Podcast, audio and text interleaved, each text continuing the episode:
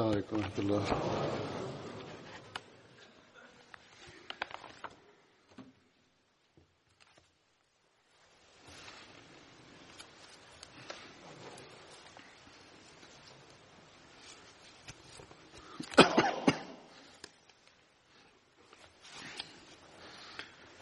أشهد أن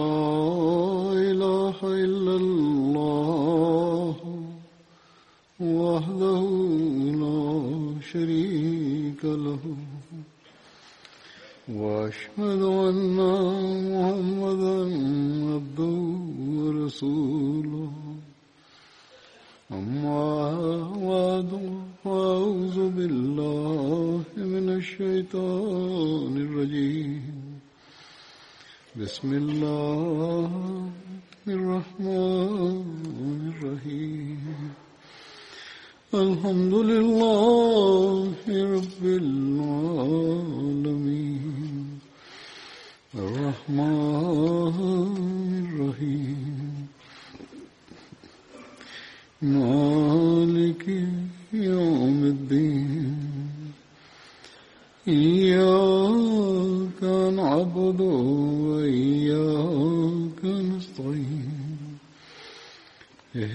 الصراط المستقيم صراط الذين أنعمت عليهم غير المغضوب عليهم ولا الضالين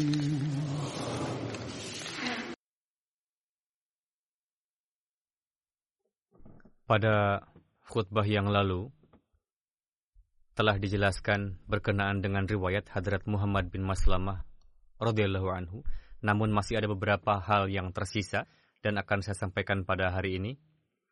Berkenaan dengan eksekusi Ka'ab bin Ashraf telah diterangkan bahwa Hadrat Muhammad bin Maslamah mencari alasan untuk dapat memancing supaya Ka'ab mau keluar dari rumahnya lalu dieksekusi. Apakah hal tersebut dinamakan dusta? Telah dijelaskan pula bahwa sebagian ulama berpendapat dengan merujuk pada suatu hadis bahwa berdusta diizinkan pada tiga kesempatan. Pada hakikatnya, pendapat seperti itu adalah keliru atau keliru dalam menjelaskan hadis.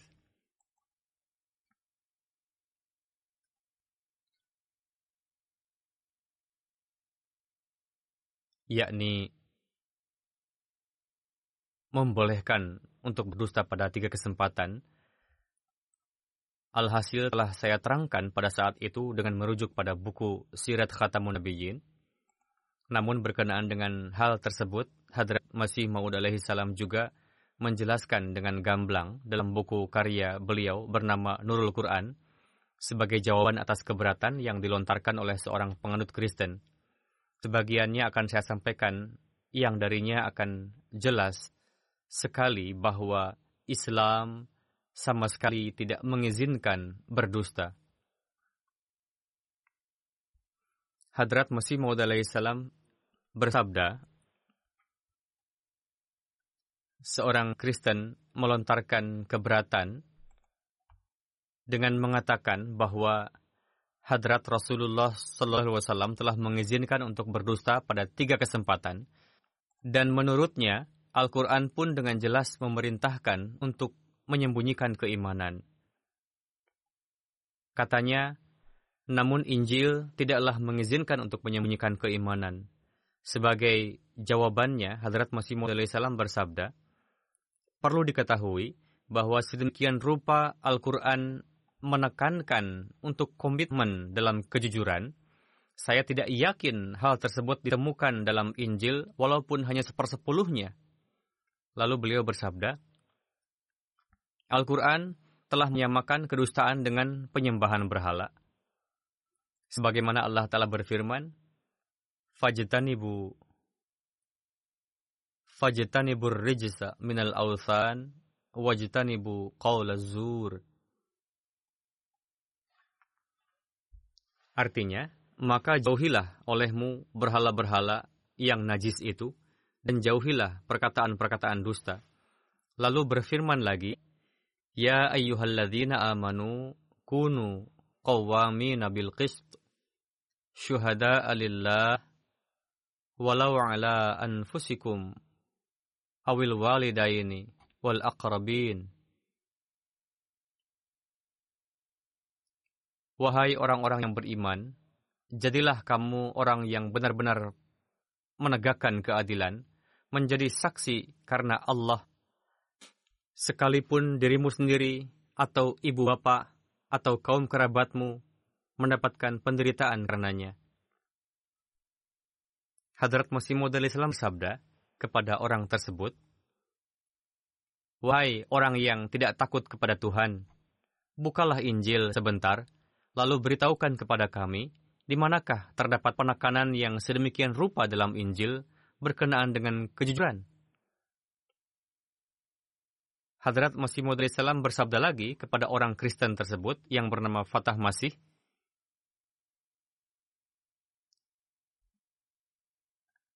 Beliau bersabda, Anda keliru, dan ini disebabkan karena ketidaktahuan Anda, sehingga menyimpul, menyimpulkan bahwa Rasulullah telah mengizinkan untuk berdusta pada tiga kesempatan. Sebenarnya adalah sama sekali tidak ditemukan izin untuk berdusta dalam hadis mana pun. Bahkan dikatakan dalam hadis, in kutilta wa uhriqta. Artinya, jangan pernah tinggalkan kejujuran sekalipun kalian dibunuh ataupun dibakar. Sebagaimana diperintahkan dalam Al-Quran untuk tidak meninggalkan keadilan dan kejujuran, sekalipun jiwamu akan melayang. Hadis pun memerintahkan jangan pernah tinggalkan kejujuran sekalipun kalian dibunuh atau dibakar. Lantas, jika anggap saja terdapat suatu hadis yang bertentangan dengan Al-Quran dan hadis-hadis sahih lainnya, maka hadis seperti itu tidak layak untuk dirujuk, karena kami akan menerima hadis yang tidak bertentangan dengan Al-Quran dan hadis sahih lainnya. Beliau alaihissalam bersabda, dalam beberapa hadis, dijumpai isyarah yang mengizinkan untuk bertauriah, yakni dengan mengucapkan kalimat yang mengandung makna ganda demi kebaikan. Hal inilah yang diistilahkan oleh para penentang dengan sebutan dusta untuk tujuan menciptakan kebencian kepada Islam. Beliau alaihissalam bersabda,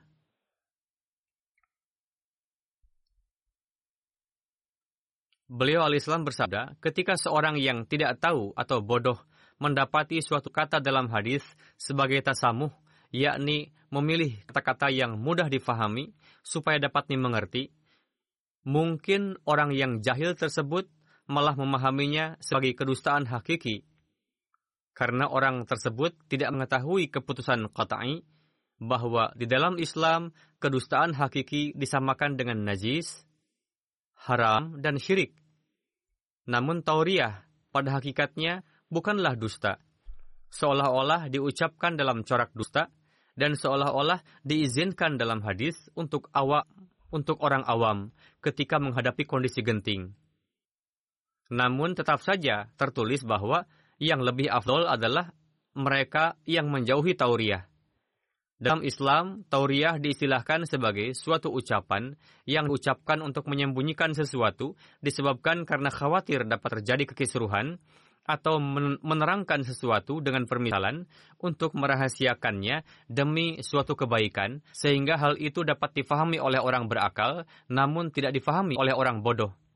Fikirannya tertuju ke arah yang bukan dimaksud oleh si pengucap setelah merenungkannya, dapat difahami bahwa apa pun yang dikatakan olehnya bukanlah kedustaan, melainkan kebenaran semata. Di dalamnya tidak ada sedikit pun campuran kedustaan, tidak juga sedikit pun hati mencondongkannya ke arah kedustaan. Sebagaimana dalam sebagian hadis, Rasulullah dijumpai terdapat izin untuk melakukan tauriah, untuk mendamaikan dua orang muslim, untuk menyelamatkan istri dari suatu kefasadan atau perseteruan dalam rumah tangga, atau untuk merahasiakan sesuatu dari musuh demi suatu kebaikan, atau dengan niat untuk mengecoh musuh ke arah lain. Namun meskipun demikian, banyak sekali hadis lainnya juga yang darinya dapat diketahui bahwa tauriah bertentangan dengan derajat ketakwaan yang tinggi. Bagaimanapun, kejujuran yang terang-terangan adalah lebih baik sekalipun karenanya kita akan dibunuh atau dibakar. Hadrat Masih Maud Islam bersabda, Rasulullah memerintahkan untuk sedapat mungkin menjauhinya supaya dalam corak zahir mafhum ucapan tersebut tidak serupa dengan dusta. Selanjutnya bersabda, ketika saya memperhatikan kondisi hadrat Rasulullah Shallallahu Alaihi Wasallam tengah sendiri di tengah peperangan yang sedang berkecamuk pada perang Uhud, beliau bersabda, "Aku Muhammad, aku Nabi Allah, aku ibnu Abdul Muttalib." Perlu saya sampaikan klarifikasi dalam hal ini, tertulis pada catatan kaki kitab tersebut bahwa ketika buku tersebut dicetak, terdapat kekeliruan dalam penulisan bahwa kejadian tersebut terjadi pada Perang Hunain, bukan Perang Uhud. Padahal pihak Research Cell telah mengirimkan rujukannya kepada saya dari kitab Siratul Halbiyah di dalamnya tertulis bahwa ucapan tersebut disabdakan oleh Rasulullah pada dua kesempatan, yakni pada Perang Hunain dan Uhud. Untuk itu, Departemen atau Nazarat Isyaat hendaknya membuang catatan kaki tersebut. Seringkali saya perhatikan, terkadang disebabkan oleh ketergesa-gesaan, langsung memberikan catatan kaki pada sabda Hadrat Masih Maud salam dengan menulis keliru atau terlupa untuk menerangkan maksud atau memudahkan pemahaman, padahal diperlukan penyelidikan yang mendalam untuk itu. Perlu adanya keseriusan dalam menanganinya. Alhasil, saya sudah menerima rujukannya. Di dalamnya tertulis dengan jelas bahwa ucapan tersebut disabdakan oleh Rasulullah pada Perang Hunain dan juga Uhud. Sudah ada klarifikasinya dalam hal ini. Sekarang lebih lanjut, beliau alaihissalam bersabda, jika dalam suatu hadis sebagai tasamuh tauriah dikatakan dusta, maka itu merupakan kebodohan yang sangat yakni dengan maksud untuk memudahkan kata atau supaya dapat dimengerti dengan mudah, lalu diartikan dusta, maka jika disimpulkan sebagai suatu kedustaan yang hakiki, berarti itu merupakan kebodohan yang sangat. Karena Al-Quran dan hadis sepakat menyatakan bahwa kedustaan hakiki itu sangat haram dan najis. Hadis-hadis yang berderajat tinggi telah menjelaskan perihal tauriah secara gamblang. Lantas anggap saja jika ada hadis yang menggunakan kata duta daripada tauriah, maka nauzubillah bagaimana bisa diartikan sebagai kedustaan yang hakiki. Adapun menjadi suatu tanda betapa tipisnya ketakwaan orang yang memahami dan menggunakan kata tauriah sebagai kedustaan. Perlu bagi kita untuk mengikuti Al-Quran dan hadis. Hadis sahih, jika ada perkara yang bertentangan dengannya, kita sekali-kali tidak akan menerimanya.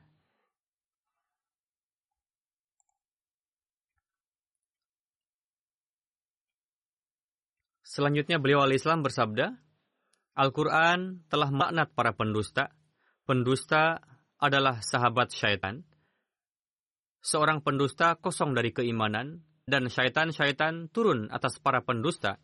Beliau tidak hanya bersabda bahwa janganlah berdusta, bahkan bersabda juga tinggalkanlah persahabatan dengan para pendusta. Jangan jadikan mereka sebagai kawan, takutlah kepada Tuhan, bergaullah dengan orang-orang yang jujur. Ketika kamu tengah berbicara, ucapan yang keluar harus semata-mata kebenaran. Sebagai olok-olokan atau tertawaan pun, jangan sampai ada kedustaan di dalamnya saya akan lanjutkan perihal sisi kehidupan lainnya dari sahabat Hadrat Muhammad bin Maslamah.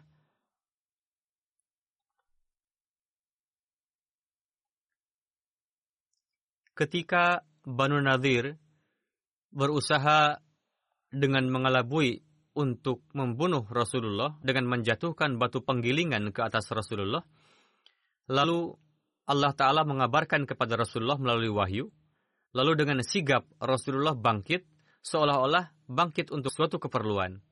Lalu Rasul berangkat ke Madinah. Setelah Rasulullah berangkat, para sahabat pun setelah tidak lama menunggu kemudian, Rasul mengikuti Rasul ke Madinah. Ketika para sahabat tiba di Madinah, mereka mendapatkan kabar bahwa Rasulullah memanggil Hadrat Muhammad bin Maslamah. Hadrat Abu Bakar berkata, Wahai Rasul, kami tidak mengetahui bahwa Tuhan telah berangkat. Rasul bersabda, Yahudi ingin mengelabui saya, namun Allah Ta'ala mengabarkan kepada saya, lalu saya bangkit dan pergi. Berkenaan dengan ini, Allah Ta'ala menurunkan ayat, Ya ayuhalladzina amanu, uzkuru ni'matallahi alaikum, idh hamma qawmun, ayyabsutu ilaikum, aydiyahum, fakaffa aydiyahum, ankum, wattaqullah, wa alallahi falyatawakkalil mu'minun. Hai orang-orang yang beriman, ingatlah kamu akan nikmat Allah yang berikan kepadamu di waktu suatu kaum bermaksud hendak menggerakkan tangannya kepadamu untuk berbuat jahat, maka Allah menahan tangan mereka dari kamu. Dan bertakwalah kepada Allah, dan hanya kepada Allah sajalah orang-orang mukmin itu harus bertawakal. Hadrat Rasulullah mengutus Hadrat Muhammad bin Maslamah kepada orang Yahudi dijelaskan sebagai berikut. Ketika Hadrat Muhammad bin Maslamah hadir di hadapan Rasulullah, Rasul bersabda, Pergilah kepada Banu Nazir Yahudi dan katakan kepada mereka bahwa kamu diutus oleh Rasul kepada kalian untuk mengatakan agar kalian meninggalkan kotaku ini. Lalu berangkatlah beliau kepada orang-orang Yahudi. Perintah ini dilatar belakangi karena Yahudi telah melakukan rencana pembunuhan dan melanggar perjanjian yang telah mereka ikrarkan. Karena itu, hukuman bagi mereka adalah harus meninggalkan kota. Lalu berangkatlah Hadrat Muhammad bin Maslamah kepada orang Yahudi berkata, Rasulullah mengirim saya kepada kalian untuk menyampaikan pesan, namun saya belum akan sampaikan itu sebelum aku ingatkan kalian akan suatu hal yang biasa kalian sampaikan dalam majelis-majelis kalian dahulu. Lalu Yahudi bertanya, apa itu? Beliau radhiyallahu anhu menjawab, "Aku bersumpah kepada kalian demi Taurat yang telah Allah turunkan kepada Musa." Tahukah kalian bahwa sebelum diutusnya Hadrat Muhammad sallallahu alaihi wasallam saya pernah datang kepada kalian, lalu kalian membuka Taurat. Kalian katakan padaku pada acara tersebut, Wahai Ibnu Maslamah, jika kamu ingin, kami berikan engkau makan maka kami akan beri kamu makan. Jika kamu ingin supaya kami jadikan kamu Yahudi, maka akan kami jadikan kamu Yahudi. Beliau berkata, saya katakan kepada mereka, saat ini berikan saya makan, jangan jadikan aku Yahudi. Demi Tuhan, saya tidak akan pernah mau jadi menjadi Yahudi. Lalu kalian memberiku makanan dalam sebuah wadah, lalu kalian berkata kepadaku, kamu semata-mata tidak memilih agama ini karena ini adalah orang agama orang-orang Yahudi. Seolah-olah kamu menginginkan Hanifiyat yang mengenainya telah kamu dengarkan.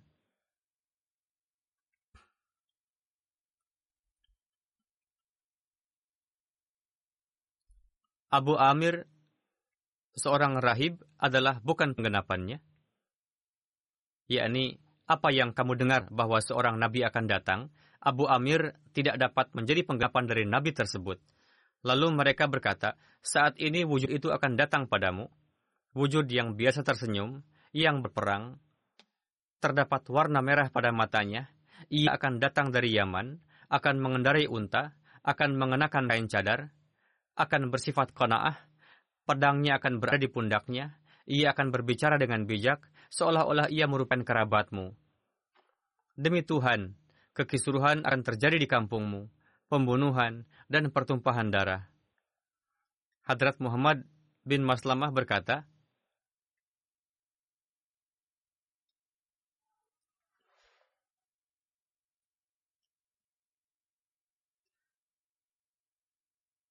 Beliau mengatakan, telah kusampaikan pada kalian apa yang ingin kusampaikan, Lalu beliau mulai menyampaikan perkara selanjutnya, bahwa Rasulullah telah mengutus saya untuk mengatakan bahwa kalian, yakni Yahudi, telah melanggar perjanjian yang telah dibuat untuk kalian, dan kalian juga berusaha untuk mengelabui Rasulullah. Hadrat Muhammad bin Maslamah memberitahukan rencana jahat Yahudi terhadap Rasulullah, yakni bagaimana Amr bin Jahash naik ke atap untuk menjatuhkan batu penggilingan dari atas kepada Rasulullah. Mendengar hal itu, orang Yahudi itu bungkam. Lalu Hadrat Muhammad bin Maslamah berkata kepada mereka, Hadrat Rasulullah memerintahkan kalian untuk meninggalkan kota, dan beliau memberikan tenggang waktu 10 hari kepada kalian. Barang siapa yang masih nampak di kota ini setelah itu, maka aku akan membunuhnya. Yahudi mengatakan, Wahai Ibnu Maslamah, tidak dapat terfikir oleh kami bahwa pesan tersebut dibawa oleh anggota kabilah Aus. Hadrat Muhammad bin Maslamah berkata, sekarang hati sudah berubah. Lalu Yahudi melakukan persiapan untuk beberapa hari. Kendaraan mereka dibawa dari Zujaddar, yakni kawasan tempat makan ternak yang berjarak 6 mil dari Madinah ke arah Ka'bah. Ternak mereka biasa diberi makan di sana. Mereka menyewa unta dari Banu Asja dan melakukan persiapan lengkap untuk keberangkatan. Dirujuk dari buku sejarah. Bagaimanakah perilaku Yahudi? Dalam hal ini Hadrat Khalifatul Masih As-Sani anhu menjelaskan mengenai hal itu pada satu kesempatan yang di antaranya peristiwa pembangkangan Banu Quraidah. Meskipun ini pernah dijelaskan pada topik Hadrat Ammar bin Yasir, namun dari sisi sejarah perlu saya sampaikan di sini. Beliau radhiyallahu anhu menulis, pembangkangan yang dilakukan oleh Banu Quraidah tidaklah pantas dipandang sebelah mata. Sekembalinya dari perang Khandak, Rasulullah bersabda kepada para sahabat, Janganlah kalian bersantai di rumah, melainkan pergilah ke benteng Banu Quraidah sebelum tibanya sore hari. Lalu Rasulullah mengutus Hadrat Ali kepada Banu Quraidah untuk menanyakan kenapa mereka melanggar perjanjian. Namun alih-alih menyesali perbuatannya dan meminta maaf, justru Banu Quraidah malah mencaci Hadrat Ali dan kawan-kawannya dan juga menghina Rasulullah dan para wanita dalam keluarga beliau. Mereka berkata, kami tidak tahu siapa Muhammad Sallallahu Alaihi Wasallam. Tidak ada perjanjian antara kami dengan dia. Hadrat Ali kembali dengan membawa jawaban mereka tadi. Lalu Rasulullah bersabda kepada sahabat,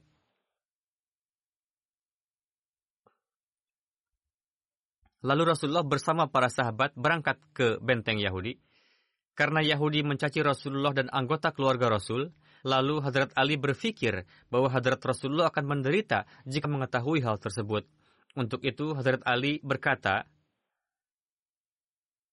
Wahai Rasul, kenapa Tuhan berepot-repot?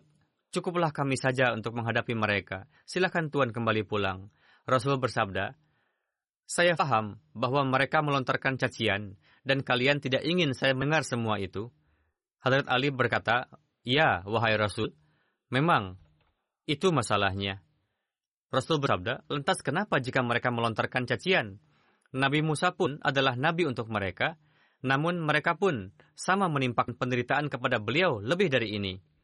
Setelah mengatakan demikian, Rasulullah berangkat ke benteng Yahudi, namun Yahudi menutup pintu sehingga benteng tertutup mereka mulai melawan pasukan muslim sampai sampai para wanita mereka pun ikut serta bertempur. Sebagaimana di bawah pintu benteng terdapat beberapa pasukan muslim, lalu seorang wanita Yahudi membunuh seorang muslim dengan melemparkan batu dari atas. Namun setelah pengepungan selama beberapa hari, pihak Yahudi merasa tidak akan mampu bertempur lebih lama lagi. Lalu para pemuka mereka menyampaikan harapannya kepada Rasulullah agar Rasul mengirimkan Abu Lubabah Ansari yang notabene adalah teman mereka dan pemuka kabilah Aus supaya dapat bermusyawarah dengan mereka. Lalu Rasul mengutus Abu Lubabah kepada mereka dan Yahudi meminta musyawarah darinya, yakni apakah Rasulullah akan menyetujui permintaan supaya keputusan diserahkan padanya, lalu pasukan muslim menjatuhkan senjata, Abu Lubabah mengiyakan, namun sambil mengusap leher dengan tangannya yang menandakan pembunuhan.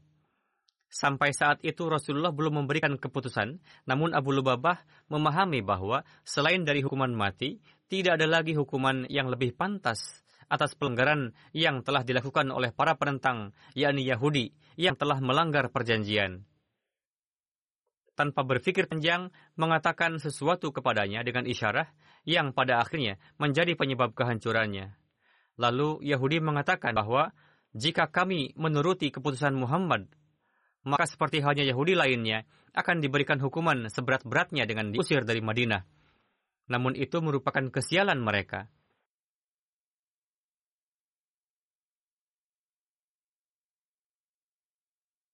Yahudi tidak menuruti putusan dan mengatakan, jika seandainya menuruti putusan, maka mereka akan dihukum dengan diusir. Namun merupakan kesialan mereka yang mengatakan bahwa kami tidak bersedia untuk menuruti putusan Rasulullah. Melainkan kami akan mengikuti perintah pemimpin sekutu kami, kabilah Aus, yakni Sa'ad bin Muaz. Apa pun yang ia putuskan, kami akan menerimanya namun pada saat itu terjadi selisih pendapat di antara Yahudi. Sebagian dari mereka mengatakan bahwa kaum kita telah melakukan pembangkangan dan dari sikap umat muslim terbukti bahwa agama mereka benar.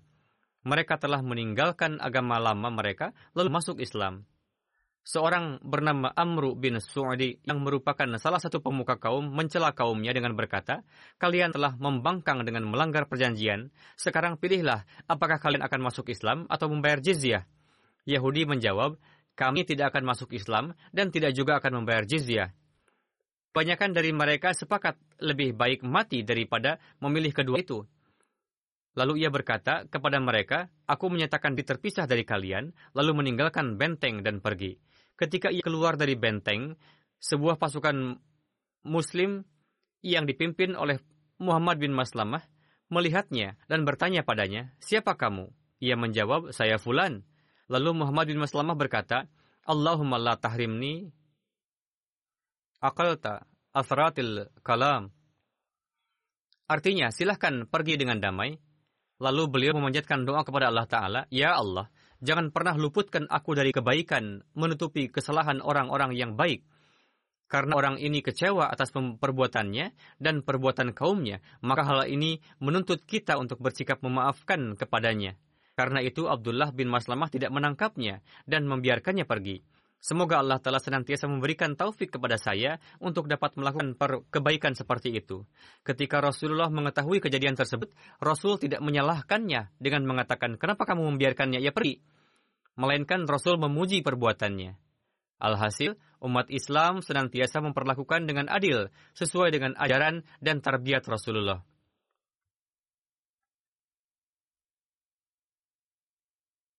Setelah penduduk Khaybar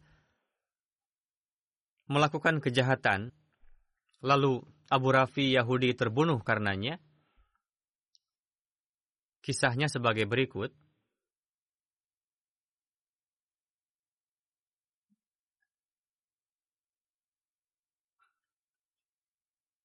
Kelompok sahabat yang diutus untuk mengeksekusinya di antaranya adalah Hadrat Muhammad bin Maslamah. Pembunuhan dilakukan oleh orang lain, namun beliau termasuk ke dalam grup sahabat yang dikirim. Hadrat Mirza Bashir Ahmad Sahib menjelaskan kisah tersebut secara gamblang yang dirujuk dari berbagai sumber sejarah. Disebabkan oleh provokasi dan hasutan para pemuka Yahudi pada akhir 5 Hijri, terjadi kekisruhan yang berbahaya pada perang Ahzab dalam tentang umat muslim. Di antaranya adalah Huyi bin Akhtab dan kawan-kawannya telah mendapatkan hukuman atas kejahatannya. Namun Salam bin Abil Haqiq yang dipanggil Abu Rafi masih dengan bebasnya sibuk di daerah Khaybar dalam menciptakan kekisruhan bahkan kegagalan pada perang Ahzab yang penuh dengan kehinaan dan akibat mengerikan yang dirasakan oleh Banu Quraidah semakin menyulut api permusuhan. Karena tempat peristirahan kabilah Ghatfan ada di dekat Khaybar, sedangkan Yahudi Khaybar dan kabilah Najad seolah-olah bertetangga. Untuk itu, saat itu Abu Rafi yang merupakan seorang pedagang besar dan seorang hartawan membuat strategi untuk menghasut kabilah Najad yang garang dan tukang tempur untuk menentang umat muslim. Dalam hal penentangan terhadap Rasulullah, ia memiliki kesamaan penuh seperti Ka'ab bin Ashraf. Lalu ia memberi bantuan hartanya yang banyak kepada penduduk Ghatfan untuk menyerang Rasulullah dan terbukti dari sejarah bahwa pada bulan Syaban resiko bahaya yang timbul bagi umat muslim dari pihak Banu Sa'ad untuk menghadapinya dikirimlah pasukan di bawah pimpinan Hadrat Ali dari Madinah.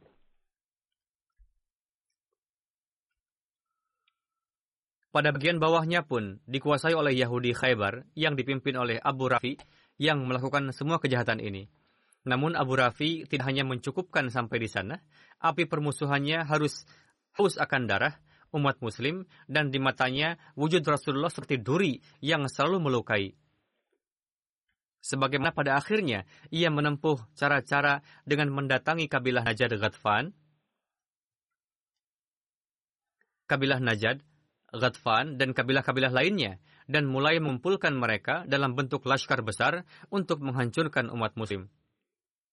Ketika kondisi sudah seperti demikian, dan di hadapan orang muslim mulai terulang lagi pemandangan pada perang Ahzab lalu, lalu beberapa ansar dari kabilah Khajraj datang menemui Rasulullah dan bertanya, Apakah solusi untuk mengatasi keributan kali ini masih ada yang lain selain menghabisi biangnya, yakni Abu Rafi? Rasulullah berpikir bahwa alih-alih terjadi pertumpahan darah di negeri, terbunuhnya biang kekisruhan adalah yang terbaik. Lalu Rasulullah mengizinkan para sahabat dan di bawah komandan Abdullah bin Atik, Rasul mengutus sahabat Khajraj kepada Abu Rafi. Namun ketika berangkat, Rasul menegaskan untuk sekali-kali jangan membunuh wanita atau anak-anak Sebagaimana pada 6 Hijri, bulan Ramadan, berangkatlah kelompok tersebut lalu kembali setelah mengerjakan tugasnya dengan penuh kehati-hatian. Dengan demikian, Madinah terhindar dari kabut musibah tersebut. Kisah selengkapnya dijelaskan dalam Bukhari sebagai berikut.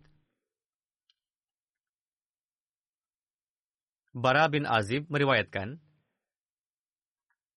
Hadrat Rasulullah Shallallahu Alaihi Wasallam mengutus sekelompok sahabat kepada Abu Rafi dan menetapkan Abdullah bin Atik sebagai komandan. Abu Rafi adalah orang yang sering menyakiti Rasulullah dan memprovokasi orang-orang untuk menentang Rasulullah dan juga memberikan bantuan pada orang-orangnya. Ketika Abdullah bin Atik dan kawan-kawannya tiba di dekat gerbang rumah Abu Rafi dan matahari telah terbenam, lalu Abdullah bin Atik meninggalkan kawan-kawannya di belakang lalu menuju pintu gerbang. Lalu ia menutupi tubuh dengan kain dan duduk seperti orang yang akan mengemis. Ketika petugas penutup gerbang datang, ia melihat ke arah Abdullah lalu bertanya, Wahai Fulan, aku datang untuk menutup pintu gerbang ini. Jika kamu mau masuk, cepat masuk. Lalu Abdullah segera masuk dan bersembunyi di suatu pojok. Lalu penjaga tadi menutup pintu dan menggantungkan kuncinya di dinding, lalu pergi. Abdullah menuturkan, setelah itu saya meninggalkan tempat, dan pertama-tama saya membuka gembok pintu gerbang benteng, supaya ketika diperlukan dapat keluar dan cepat dan mudah. Saat itu Abu Rafi tengah duduk di suatu ruangan bersama dengan orang-orangnya ketika orang-orang telah meninggalkan majelis dan suasana menjadi sunyi, lalu saya menaiki tangga yang menuju ke rumah Abu Rafi. Setiap pintu yang saya lewati, saya tutup kembali dengan hati-hati. Sesampainya di ruangan Abu Rafi, saat itu tengah saat itu ia tengah memadamkan lentera untuk bersiap-siap tidur. Kamarnya benar-benar gelap. Saya bersuara menyebut nama Abu Rafi, lalu ia menyaut, "Siapa?" Lalu saya memperkirakan arah suara itu berasal, kemudian menuju ke arah itu dan menebaskan pedang ke arah itu, lalu karena sangat gelap dan hati saya diliputi rasa risau, karenanya tebasan pedang tidak mengenainya. Abu Rafi berteriak, lalu saya keluar ruangan. Tidak lama kemudian saya masuk lagi ke ruangan, lalu mengubah suara dan bertanya padanya, Kenapa kamu teriak Abu Rafi? Ia tidak mengenali suara saya yang telah dirubah dan menjawab, celakalah ibumu. Baru saja ada seorang yang menebaskan pedang kepadaku. Mendengar suara ini, saya melompat ke arahnya dan menebaskan pedang. Kali ini tebasan pedang mengenai sasaran, namun ia belum mati. Oleh karena itu, saya menebasnya lagi untuk yang ketiga kalinya dan membunuhnya. Setelah itu, saya cepat-cepat membuka pintu dan keluar dari rumah. Namun ketika saya turun melewati tangga, masih tersisa beberapa tangga. Beberapa anak tangga lagi, namun saya menyangka sudah habis. Karenanya saya jatuh di kegelapan dan betis saya patah. Dalam satu riwayat lain dikatakan, sendi betisnya bergeser. Maka saya mengikatnya dengan sorban, lalu pergi keluar. Namun dalam hati saya mengatakan, selama saya belum benar-benar yakin Abu Rafi telah terbunuh, saya tidak akan pergi dari sini. Oleh karena itu, saya duduk bersembunyi di suatu tempat dekat benteng. Ketika pagi hari tiba, saya mendengar suara seseorang dari dalam benteng mengumumkan bahwa Abu Rafi, sang pedagang Hijaz, telah tewas. Setelah itu saya bangun dan pelan-pelan bergabung dengan rekan-rekan saya. Setibanya di Madinah, kami menyampaikan kabar mengenai terbunuhnya Abu Rafi kepada Hadrat Rasulullah. Setelah mendengar keseluruhan kisahnya, beliau Rasulullah SAW memerintahkan kepada saya, bentangkanlah kakimu. Saya membentangkan kaki saya, lalu beliau mengusapkan tangan beberkat beliau sambil berdoa, yang mana setelahnya saya merasakan seolah-olah saya tidak mengalami sakit apa pun sebelumnya. Di dalam satu riwayat lain disebutkan, ketika Abdullah bin Atik menyerang Abu Rafi, maka istrinya mulai berteriak dengan sangat keras, yang karenanya saya berpikir, jangan sampai orang-orang mendengar suara teriakannya dan menyadari apa yang terjadi. Oleh karena itu, saya mengangkat pedang ke arah istrinya, namun kemudian saya ingat bahwa Rasulullah melarang membunuh kaum wanita, dan saya mengurungkan niat saya tersebut.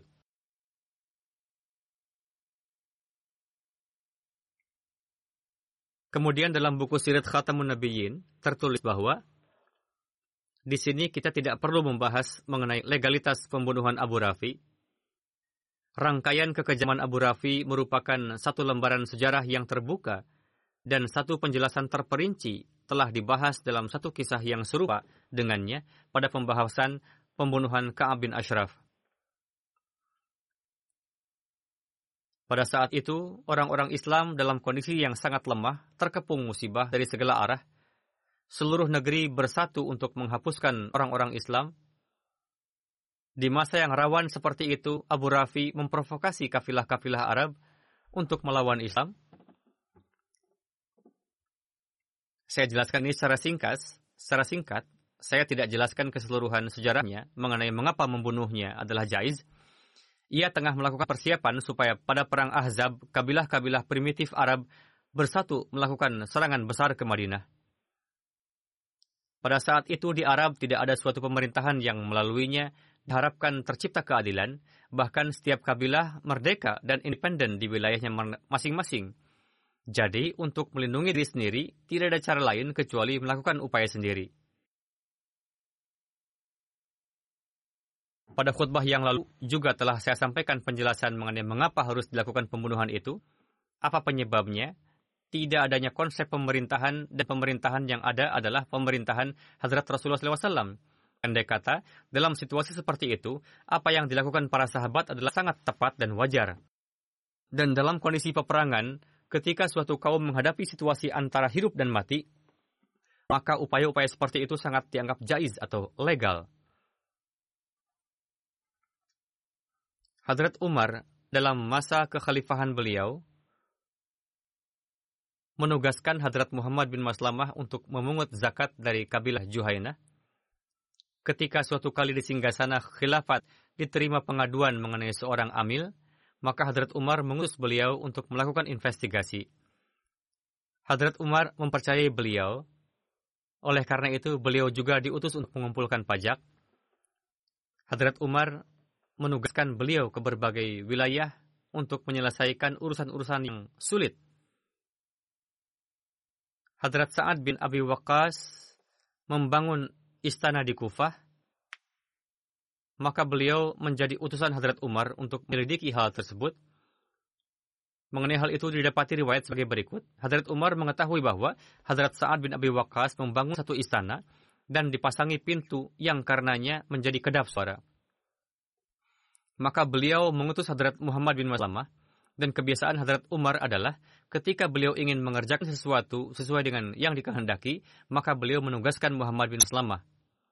Hadrat Umar bersabda kepada beliau, Pergilah kepada Sa'ad dan bakarlah pintu rumahnya.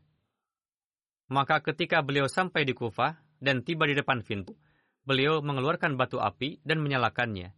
Kemudian membakar pintu. Ketika Sa'ad mengetahui hal ini, Beliau lalu keluar dan Hadrat Muhammad bin Maslamah menjelaskan semuanya mengenai mengapa beliau membakarnya. Setelah kesyahidan Hadrat Utsman, Hadrat Muhammad bin Maslamah memilih mengasingkan diri dan membuat pedang dari kayu. Hadrat Muhammad bin Maslamah meriwayatkan bahwa Hadrat Rasulullah SAW memberikan saya sebilah pedang sebagai hadiah dan bersabda,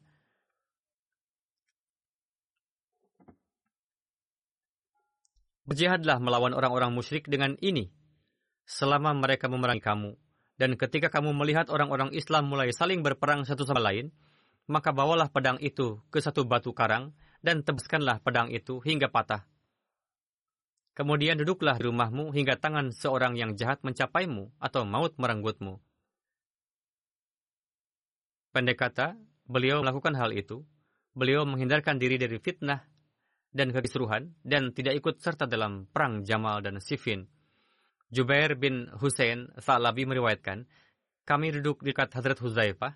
Beliau mengatakan, saya mengetahui satu orang yang fitnah tidak bisa mendatangkan kerugian kepadanya. Yang kekisruhan. Kami bertanya, siapa dia? Hadrat Huzaifah berkata, dia adalah Hadrat Muhammad bin Maslamah. Ansari. Kemudian ketika saya keluar, ketika Hadrat Hudzaifah wafat, dan fitnah telah muncul, maka saya keluar bersama dengan orang-orang yang keluar dari Madinah. Kemudian saya sampai ke satu tempat air, tersedia air di sana. Di sana saya melihat satu kemah yang sudah usang, yang condong ke satu arah, karena terkena hembusan angin. Saya bertanya kemah, ter, kemah siapakah ini? Orang-orang memberitahu bahwa ini adalah kemah Hazrat Muhammad bin Maslamah. Saya datang menemui beliau, maka saya melihat beliau sudah lanjut usia. Saya berkata kepada beliau, semoga Allah telah mengasihi Anda.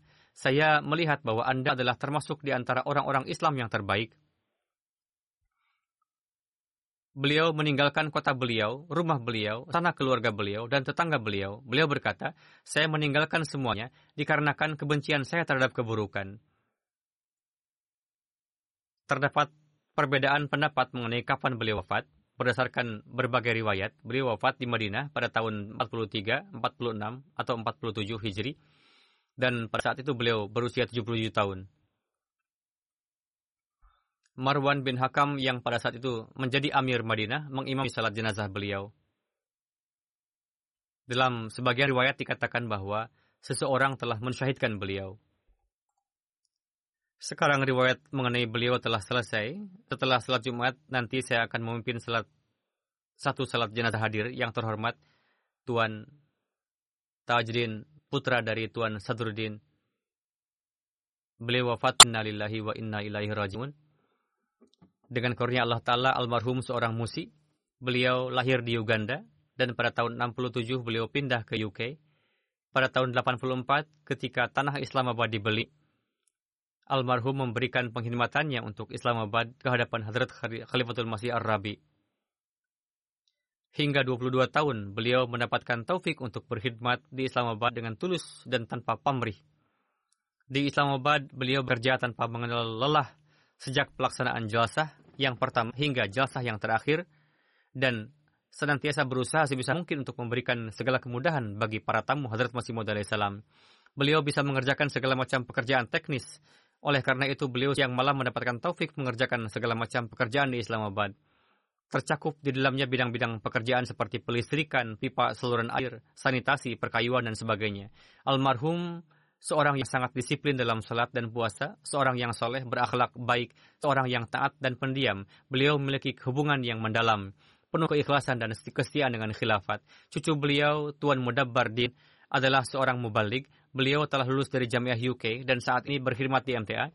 Beliau menulis, banyak orang yang tinggal di Islamabad mengatakan bahwa beliau seorang yang sangat rajin. kakek saya menceritakan ketika beliau datang ke Islamabad, beliau betul-betul sendiri. Di masa-masa awal tidak ada listrik, tidak ada pemanas, merupakan masa-masa yang sangat sulit. Namun beliau merasa senang mendapatkan taufik untuk berkorban bagi jemaat dan khalifah wak. Salat tepat waktu, bekerja dengan tangan sendiri, menghormati tamu, dan bersabar adalah beberapa sifat istimewa beliau. Orang-orang juga menuliskan mengenai kebaikan-kebaikan beliau, Tuan Mujib Sialkoti juga menurun, menuturkan bahwa beliau membuat bengkel di Islamabad.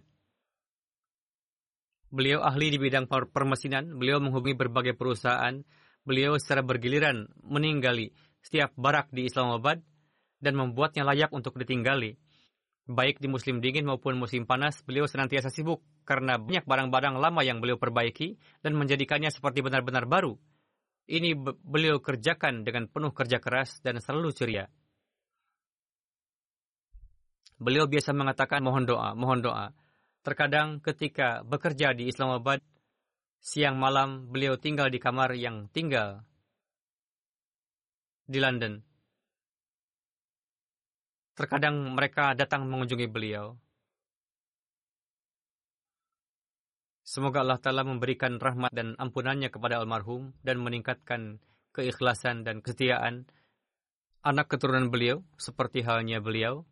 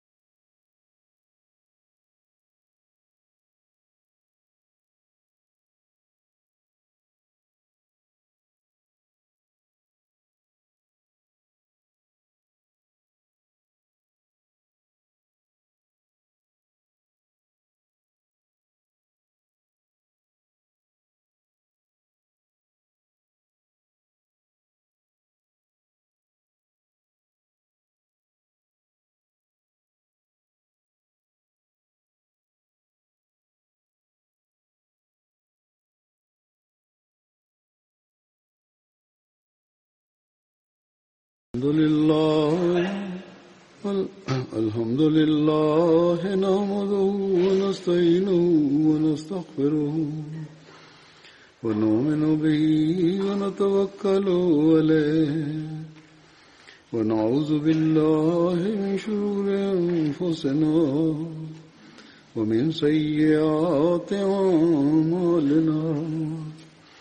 من يهده الله فلا مضل له ومن يضلل فلا هادي له.